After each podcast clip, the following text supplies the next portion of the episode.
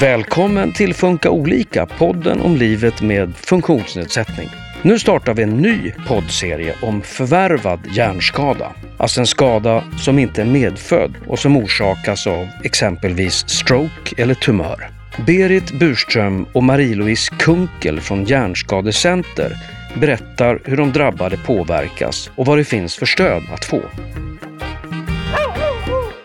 Hej Berit Burström. Hej, hej. Du är arbetsterapeut och jobbar med vuxna med förvärvad hjärnskada. Jajamän. Hej också Marie-Louise Kunkel. Hej. Du är specialpedagog och jobbar med barn och deras familjer. Ja. Eh, och jag heter Susanne Smedberg. Jag tänkte börja med att fråga, vad är förvärvad hjärnskada? Enkelt uttryckt kan man säga att det är en hjärnskada som inte är medfödd. ja, och vi har definierat den som en, en skada som har uppstått efter att man har fyllt två år. Varför efter två år först? För att då räknas den oftast som medfödd. Men det, det är ju från fall till fall som man behöver avgöra det. Man tänker sig att det lilla, lilla barnets hjärna är inte färdigbildad. Det är en, det är en välkänd definition. Man eh, definierar det som efter två års ålder. Så även om något har hänt Ja, då innan två års ålder så är det svårt att veta om det är på grund av skadan eller eh, i födseln. ja, Vad orsakar en förvärvad hjärnskada? det kan vara väldigt många olika orsaker. Det är våld mot huvudet. Man pratar om traumatisk hjärnskada. Det kan vara trafikolyckor, cykelolyckor, misshandel, allt möjligt. Eller blödningar eller proppar i hjärnan, syrebristskador. Infektioner. Våran, I barnteamet så är vår största målgrupp barn med, eh, som har haft tumörer. Så det, det är väldigt ett brett spektrum av skador som på något sätt har, har fördärvat olika strukturer i hjärnan. Finns det olika grader av förvärvad hjärnskada? Ja, det gör det ju. Där är ju också ett skolexempel på att det ser olika ut på barn, eh, för barnteamet och för eh, vuxenteamet. Nej, men för barnteamet eh, så har man fått en kognitiv påverkan som ja, man inte tänker går över. Sen är det ju väldigt svårt att säga hur det blir för barn sen. Men eh, de har ju inte så stora skador som eh, de som kommer till vuxenteamet. Utan om man har en, en stor omfattande skada som är fysisk också och, så- och kanske så att man har fått en diagnos, eh, intellektuell funktionsnedsättning, eh, då brukar vi hänvisa till övriga habiliteringen. Och när det gäller vuxna så är det ju så att, att som jag sa, eh, det här med LSS-lagen, alltså personer som har betydande och bestående funktionsnedsättningar, kognitiva funktionsnedsättningar, eh, eller, och eller fysiska funktionsnedsättningar efter en hjärnskada, som är vår målgrupp i vuxenteamet. Och det är klart att graden av hjärnskada, det, de som, som vi träffar på eh, vuxensidan, det skiljer sig ju väldigt åt bara mellan dem. Det är allt ifrån de som är totalt hjälpberoende till de som kommer in genom dörren och man kan inte se på dem att de har den här funktionsnedsättningen. Vet man ungefär hur många personer i Sverige som har förvärvad hjärnskada? Om man eh, tittar på siffror från eh, Hjärnkrafts eh, hemsida, då, då hamnar man på eh, 70 000 ungefär som råkar ut för en förvärvad hjärnskada per år. Men där är det ju också olika hur allvarlig den blir och om det blir några liksom, större följder. För det låter rätt mycket med 70 000 per år. Ja, Eh, det är ju så att eh, i vår målgrupp så eh, det det, det ju många som drabbas av en hjärnskada som vi aldrig träffar. Det kan vara att man har en lättare hjärnskada eller att man inte känner att man har någon behov av att ha kontakt med habiliteringen eller att man inte känner till oss. Var hamnar man då, då om man har lättare hjärnskada? Alltså efter man har fått den vård man får inom sjukvården så att säga, så det kan ju vara så att man, eh, man bor kvar hemma, man kanske jobbar kvar på sitt arbete eller har anpassade arbetsuppgifter. Eh, Det kan se ut på olika sätt. Man blir hyfsat rehabiliterad. Ja, det är inte alla som eh, har en, en hjärnskada som, som blir så att man inte kan klara sig själv. Kan man bli frisk från förvärvad hjärnskada? Det finns ju en massa forskning som, eh, inom området det här med hjärnans plasticitet och att man kan, man kan eh, lära, lära på nytt och hitta nya banor och, och så. Eh, så att det är klart att man kan, man kan bli säkert mycket bättre, man kanske kan bli, vara är frisk?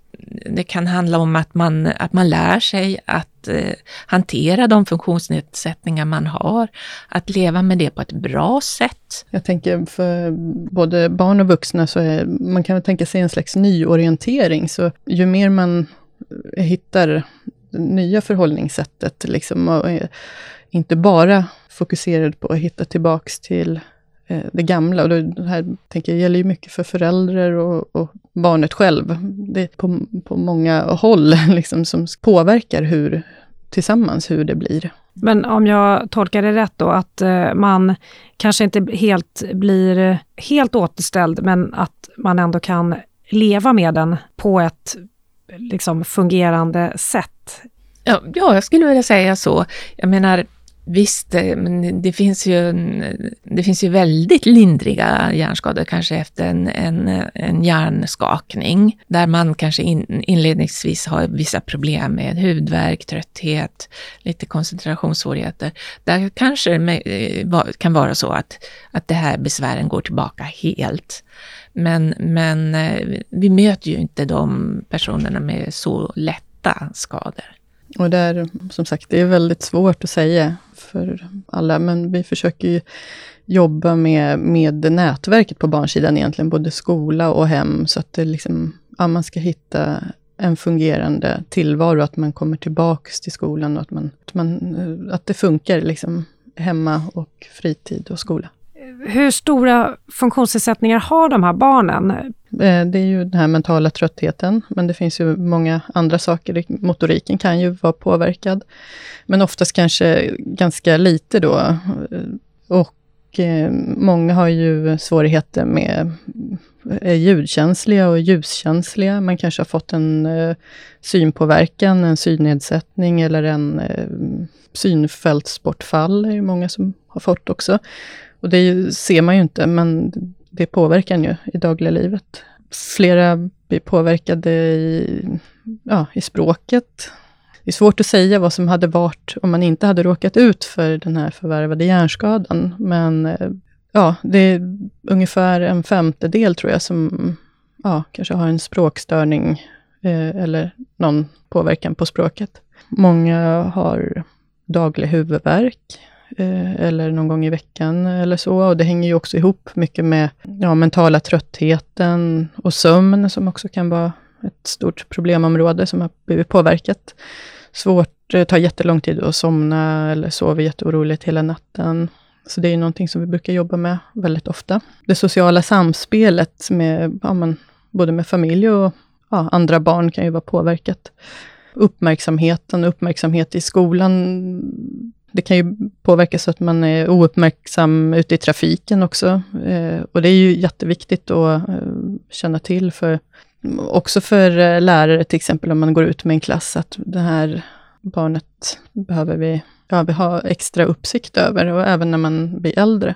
Eh, det kan ju också vara oro, ja, oro också att röra sig ute i okända miljöer, eller också i kända miljöer, kan vara svårt att hitta, hitta i skolan också eh, hitta tillbaka i klassrum, speciellt om det ser, alla dörrar ser likadana ut. Är det det vanligaste att barn kommer tillbaka till skola och att man klarar sin skolgång? Alltså, det är ju en av de största bitarna egentligen som vi nästan alltid jobbar med, med alla barnen. Att, mm, om vi säger att det handlar om en vuxen som har råkat ut för någonting, så skulle man kanske vara heltidssjukskriven från jobbet eh, väldigt länge eller så. Men barn de ska ju gå i skolan och ska tillbaka eh, till det. Så att, eh, det är något som man behöver jobba med. Ja, det är viktigt att ha mm, tät uppföljning kring skolsituationen under en ganska lång tid i början. Alltså, och då tänker jag eh, tät, då kanske det är från det första året kanske det är någon gång i månaden till eh, ja, att det är någon gång per termin eller per år, men ändå att man, ja, hur är det nu? Och hur, hur ska dagen se ut? En, ja, det finns några som jag har kontakt med som haft kontakt med som har, ehm, ja, man behöver begränsa skoldagens längd under ehm, ja, flera år. Alltså, man fortsätter med att ha en kortare dag. Ni har ju varit inne på att det ser lite olika ut för barn och eh, vuxna. Eh, vilka svårigheter möter du, Marie-Louise, hos de barn som du träffar? Den eh, största svårigheten, om man säger, som är för de flesta, det, det handlar ju om den här mentala tröttheten och få orken att räcka till. Den ska räcka till skolan och mm, gärna något på fritiden, någon aktivitet, umgås med vänner, helgen. Eh, det blir svårt för alltså, familjen att leva ett vanligt liv, att gå till ett köpcenter. Det, det, för en del så är, är det uteslutet. Jag tänkte, vad finns det för hjälp eller sätt att hantera den här svårigheten då? Det är ju att anpassa alla, alla aktiviteter, skoldagens längd och mängd på allt, allt som man gör. Och fundera över vilka sammanhang man man är i och hela tiden också funderar på om man, om man ska ha en stor släktmiddag eller någonting. Hur kommer det här påverka nästa dag eller kanske hela nästa vecka? Så det är framförallt eh, då den här eh, energin eller tröttheten som är det stora saken man måste tampas med? Eh, ja, de, de flesta är ju drabbade av det då. Men det är ju mycket som handlar om arbetsminne och att de här exekutiva funktionerna som vi pratar om, som är att planera och organisera. I skolan blir ju det väldigt tydligt att eh, ta beslut om eh, en uppgift som man ska genomföra och, och sen sätta igång med den, göra den, göra den i flera steg eh, och sen avsluta också, det kan ju vara svårt. Och vad får man för hjälp med det då? Hur kan man bli hjälpt med att planera till exempel? I skolan, då, då är det ju viktigt att man pratar om att den här svårigheten finns och att eh, ja, man skriver kanske ett åtgärdsprogram där och arbetsterapeuten hos oss brukar ju ofta jobba med, med den här biten. Många är hjälpta av eh, ett helt analogt system med en planeringstavla.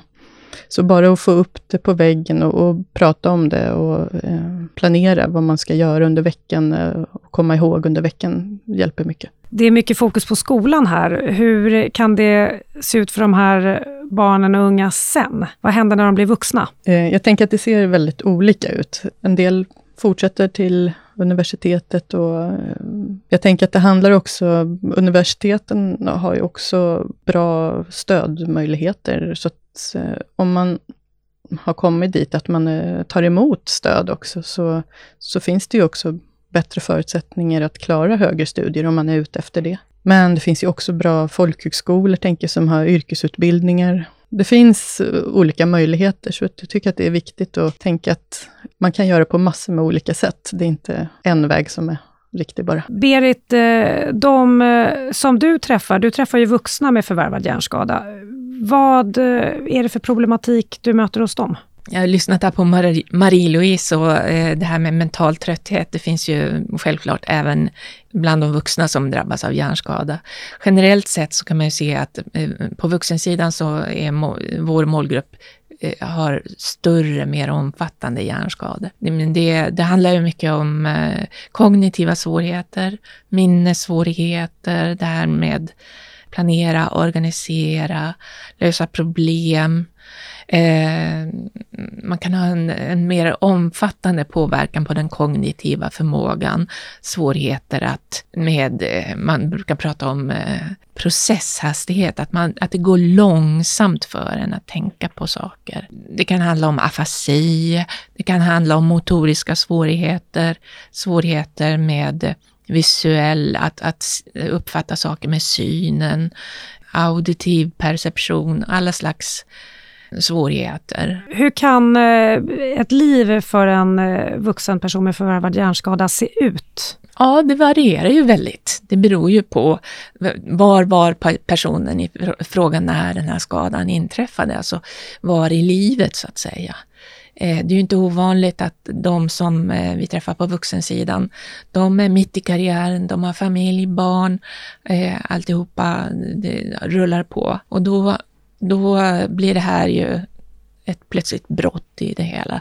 Var ska man rätta in sig nu med familjen, med barnen, karriären, ekonomin, alltihopa. Det blir liksom upp och ner på vänt. Många av de som vi träffar har så pass stora svårigheter så att de är beroende av hjälp under stor del av dygnet. Det kan ofta personlig assistans det är frågan om. Man kanske lever på egen hand och har assistenter del av dygnet eller hela dygnet.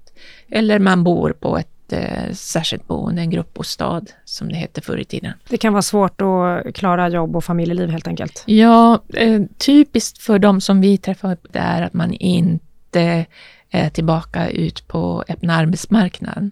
Däremot så, eh, så är det ju många gånger så att man lever kvar i sitt liv med familjen. Men där kan det ju också bli väldigt svårt för familjen, för barnen, för maka, make, att det ska bli ett fungerande familjeliv. Så det ser väldigt, väldigt olika ut. Man kan inte säga att det är bara på ett sätt. Hur ställs diagnosen förvärvad hjärnskada? Eh, där skulle jag bara vilja säga att det är inte en diagnos.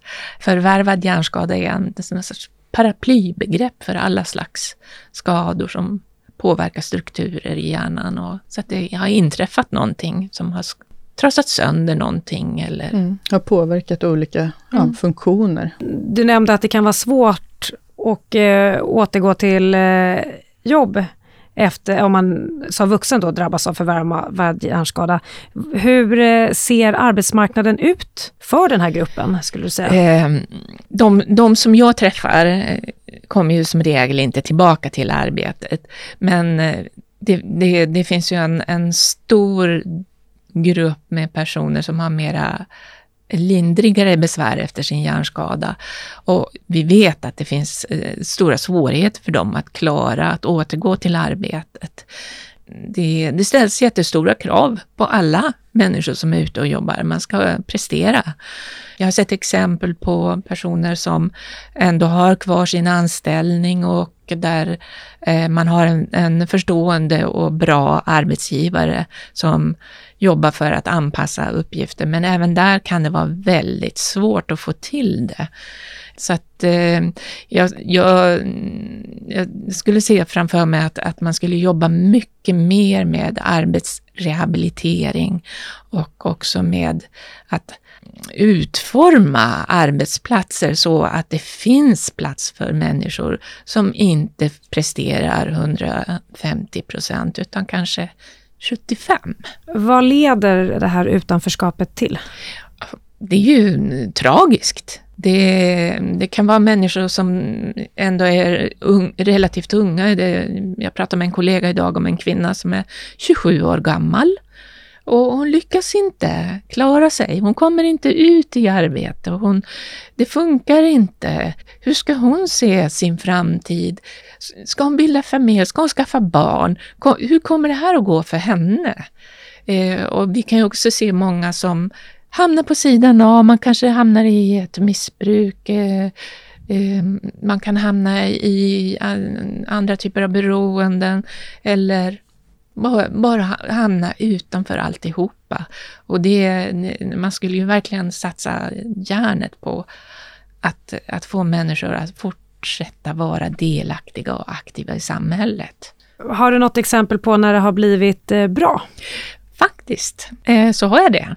Och det, det var en man som ända sedan eh, han hade drabbats av sin hjärnskada faktiskt hade kommit tillbaka. Han var tillbaka på sitt arbetsplats och eh, klarade sig genom att det fanns personer där som var hans handledare i arbetet. Han utförde enklare sysslor, men det var sysslor som behövde göras. Sen blev det omstrukturering på hans arbetsplats och chefen försvann och hans, de här kontaktpersonerna försvann. Då blev vi involverade och eh, upptäckte här att det här är en person som egentligen omfattas av vår målgrupp, då, alltså har en ganska betydande kognitiv funktionsnedsättning. Men eh, efter samverkan där med företagshälsovården, med eh, arbetsgivaren, så, och att vi hade gjort en utredning, så kunde vi beskriva hans svårigheter och de kunde anpassa arbetet så att han kunde fortsätta att jobba. Och han fick faktiskt, tror jag, en lönebidragsanställning. Men eh, det var ett väldigt lyckat eh, exempel och jag tror att man skulle kunna göra så. Med rätt stöd kan det gå helt enkelt? Ja. Vad kan individen göra själv för att återhämtas sig?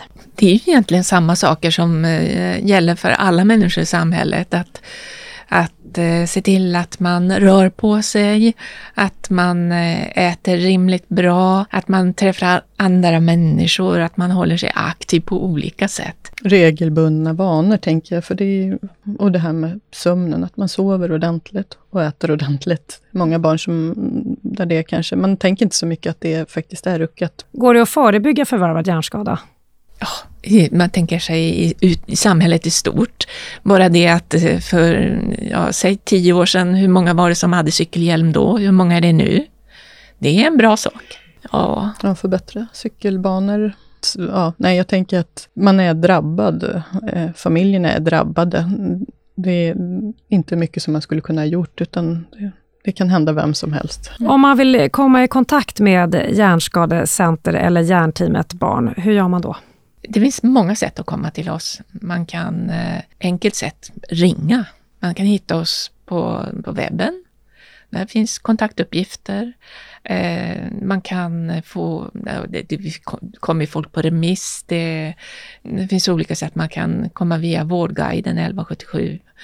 Mm, man kan be någon att ringa och det händer att, att det ringer någon från en daglig verksamhet där en, en person har bett om hjälp.